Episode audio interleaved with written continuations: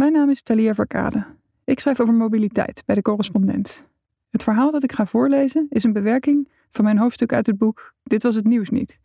Dat is uitgegeven door de correspondent. Dit verhaal gaat over de wens zo snel mogelijk te reizen. Die wens heeft geleid tot steeds snellere voertuigen, een almaar uitdijend snelwegnetwerk en kostbaar antifilebeleid. Intussen wonen en werken we steeds verder van elkaar en komen we geen seconde eerder thuis. Wat zou er gebeuren als we reistijd niet langer beschouwen als verloren tijd? We gaan steeds sneller, maar komen geen seconde eerder thuis. Dit verhaal is grotendeels geschreven in een rijdend kantoor van de Nederlandse spoorwegen. Vroeger heette dat de trein. Voor de mensen op de stoelen naast me is het nu eerder een huiskamer op wielen. Links en rechts van me zitten mensen op hun smartphone te Netflixen. Voor mij is de trein een werkkamer. Ik klap mijn laptop open en poef, reistijd verandert in werktijd.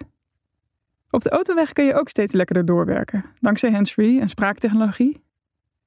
Mensen die ik als journalist wil interviewen, die zeggen: Oh, bel maar dan en dan als ik in de auto zit.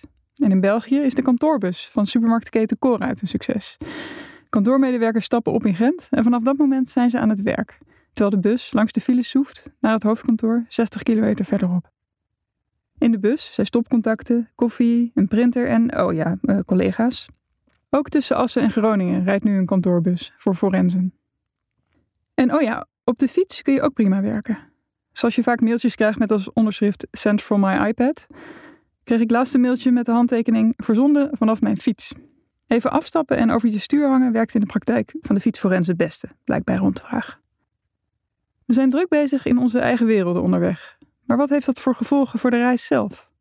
En waar gaat die eindigen? In de trein probeerde ik deze vragen te beantwoorden. Planoloog Marco de Brummelstroet dacht en las mee. Tijd is geld, zeggen ze, en reistijd dus ook. Op het ministerie van Infrastructuur en Waterstaat hebben economen de waarde van 1 uur reistijd per auto of trein nu tot op de cent nauwkeurig vastgesteld. 1 uur van een treinende woon-werk forens, zoals ik zelf, is momenteel 11,87 euro waard. Dat is meer dan de tijd van wie onderweg is naar iets anders dan werk. Zo'n uurtje is maar 7 euro waard. Maar bij de waarde die wordt toegekend aan de economisch echt zware jongens, de vrachtwagenchauffeurs, vallen alle gewone mensen in het niet. Die zijn 46 euro per uur waard. Overheden berekenen met deze cijfers sinds een kleine 20 jaar of het de moeite waard is om ergens een nieuw stuk weg of spoorweg aan te leggen.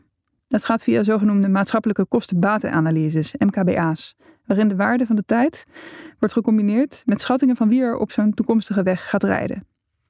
Het idee hierbij is, als een nieuwe weg maar genoeg economische tijdwaarde oplevert, dan mag die er komen. Zeker als die minder voertuigverliesuren oplevert. File. Voertuigverliesuren, afgekort VVU. Het is niet zomaar een gek woord. Het komt maar liefst 50 keer voor in de Nationale Markt- en Capaciteitsanalyse, het beleidsdocument van Rijkswaterstaat, aan de hand waarvan nieuwe wegen worden gepland. En het telt maar 62 bladzijden.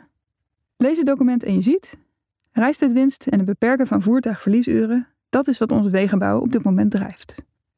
Een interessante vraag is dan ook: wat heeft dat beleid ons tot nog toe aan reistijdwinst opgeleverd? Het antwoord: geen seconde. We zijn gemiddeld niet korter onderweg sinds we meten hoe lang we reizen en dat doen we nu bijna een halve eeuw. We zitten weliswaar in snellere voertuigen, maar daarmee zijn we ook langere afstanden gaan afleggen.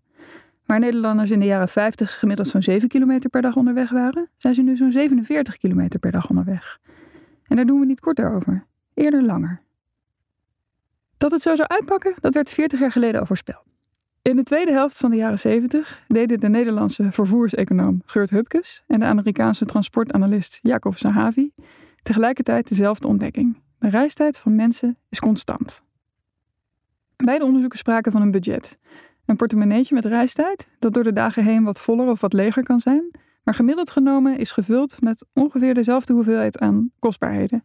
Circa vijf kwartier aan dagelijkse reistijd. En of mensen nu in Peru wonen of in Singapore, in Duitsland of de Verenigde Staten, in Nederland of in de Sovjet-Unie, het gros van de mensen bleek 70 à 80 minuten per dag onderweg. Als je alle tripjes naar vrienden en familie, naar het werk en naar de winkel bij elkaar optelt. De algemene verwachting was dat mensen met een auto eerder thuis zouden komen en dus tijdwinst zouden behalen. Net zoals andere nieuwe uitvindingen uit die tijd, eh, zoals de stofzuiger en kant-en-klaar maaltijden dat beloofden. Maar wat zagen Hupkes en Zahavi? We gingen verder weg wonen, werken en winkelen. Al binnen tien jaar leidde de komst van de auto tot een veel grotere gemiddelde actieradius. In Nederland zag Geurt Hupkes het gemiddelde aantal kilometers dat mensen per dag in totaal onderweg waren tussen 1962 en 1972 toenemen met meer dan de helft, tot 32 kilometer per dag, terwijl de reistijd gelijk bleef.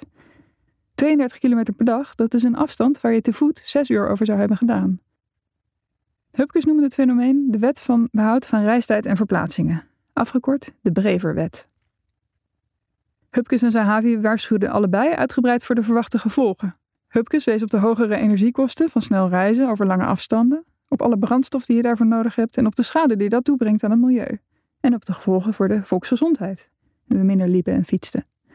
Jacob Zahavi maakte zich vooral druk om vervoersarmoede, het sociale onrecht dat bestemmingen die verder weg komen te liggen voor mensen zonder auto moeilijker bereikbaar worden. Een Italiaanse natuurkundige, Cesare Marchetti, deed hier nog een schepje bovenop. Hij dook met Zahavi's cijferwerk in de hand de geschiedenisboeken en de atlassen in. En hij kwam nog tot een veel radicalere conclusie. Dat het de constante reistijd is die de grote en de onderlinge afstanden tussen onze nederzettingen heeft bepaald. Zo zou het oude Rome een doorsnee van 5 kilometer hebben gehad, omdat die afstand in een uur te voet te doorkruisen was. En zo versmelden steden als Osaka en Tokio tot 100 miljoenen stad wanneer ze met een magneettrein op een uur afstand van elkaar komen te liggen. Marchetti geeft een evolutionaire verklaring. Onze reistijd is constant als gevolg van ons instinct. We zijn holbewoners die aan de ene kant beschutting willen en aan de andere kant altijd ons jachtgebied willen uitbreiden. Geef ons meer snelheid en ons territorium wordt groter. Geef ons een auto of een zweeftrein en onze steden dijen uit. Laat ons tot je doordringen wat het betekent als snellere voertuigen ons niet eerder thuis, maar verder wegbrengen. Dan zie je ineens hoe het komt dat het ziekenhuis niet meer op loopafstand is. De kans is groot dat je niet meer met je ouders of je kinderen of je vrienden in dezelfde stad woont. En je snapt nu ook waarom zes op de tien Nederlandse werknemers elke dag opstaan in de ene gemeente om vervolgens te komen werken in een andere gemeente. En het gevolg hiervan is ongelofelijke hoeveelheden verkeer. In Amerika is dit effect heel duidelijk te zien. Veel steden daar, zoals Atlanta, zijn met de komst van de auto zo wijd uitgesmeerd geraakt dat mensen hele stukken moeten rijden om vanuit de buitenwijken naar hun werk of naar de bibliotheek of het ziekenhuis in het centrum te komen. Het gevolg: Amerikanen lopen niet meer, tenzij ze te arm zijn voor een auto.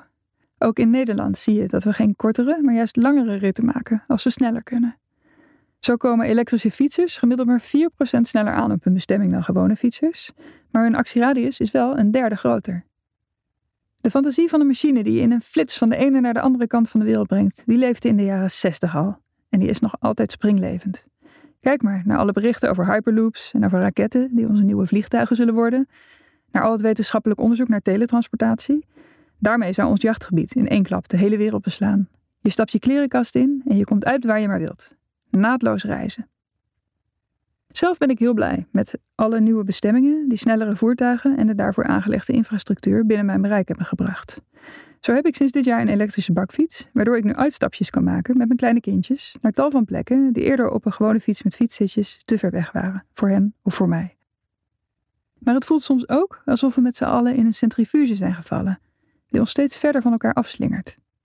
Ik kan wel bij vrienden en familie komen, maar steeds minder makkelijk lopend of op de gewone fiets. Studievrienden wonen verspreid door het hele land of daarbuiten. En opa en oma wonen tegenwoordig in Frankrijk. De wegen die ons verder laten gaan, nemen zelf bovendien heel veel ruimte in waar ook iemands bestemming had kunnen liggen. In grote steden gaat tegenwoordig de helft van de openbare ruimte op aan auto-infrastructuur. En een beetje een fors snelwegviaduct, bijvoorbeeld knooppunt Valburg bij Nijmegen, dat neemt net zoveel ruimte in beslag als het dorpje Valburg, waar 1784 mensen wonen. In veel dorpen kun je intussen nauwelijks meer wonen zonder auto, want daar zijn steeds minder winkels. Met de auto kun je immers naar grotere winkels buiten het dorp. En als iedereen dat doet, dan overleeft de middenstand in het dorp het niet. Voor al die extra ritjes moeten er vervolgens weer meer of bredere wegen komen, en zo draait de centrifuge van de schaalvergroting en de wegenbouw door. Ik wilde de Nederlander spreken die het idee van een constante reistijd had bedacht. En ik zocht contact met vervoerseconoom Geurt Hupkes. Hupkes is intussen 90. We belden eerst, maar dat kostte een beetje moeite, doordat ook zijn oren al 90 jaar dienst hadden gedaan. Dus mailden we verder. Het werkende bestaan bleek Hupkes lang geleden achter zich te hebben gelaten.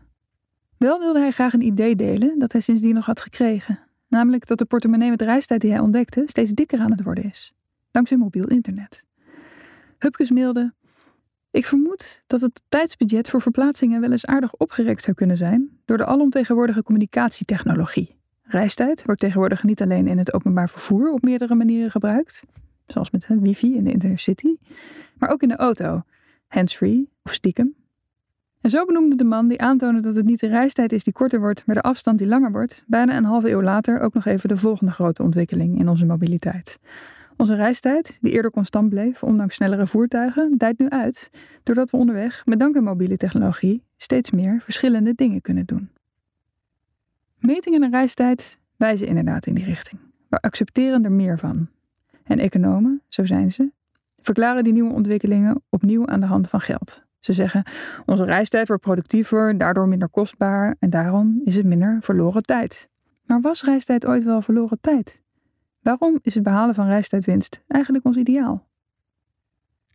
In 2001 toonde Patricia McTarian van de School voor Civiele en Milieutechniek in Californië iets aan dat volgens mij iedereen ook uit de eigen ervaring wel kan vertellen. Mensen houden van een dagelijks reisje. Of het nu is om het hoofd leeg te maken, om een frisse neus te halen of juist om te karkoenen.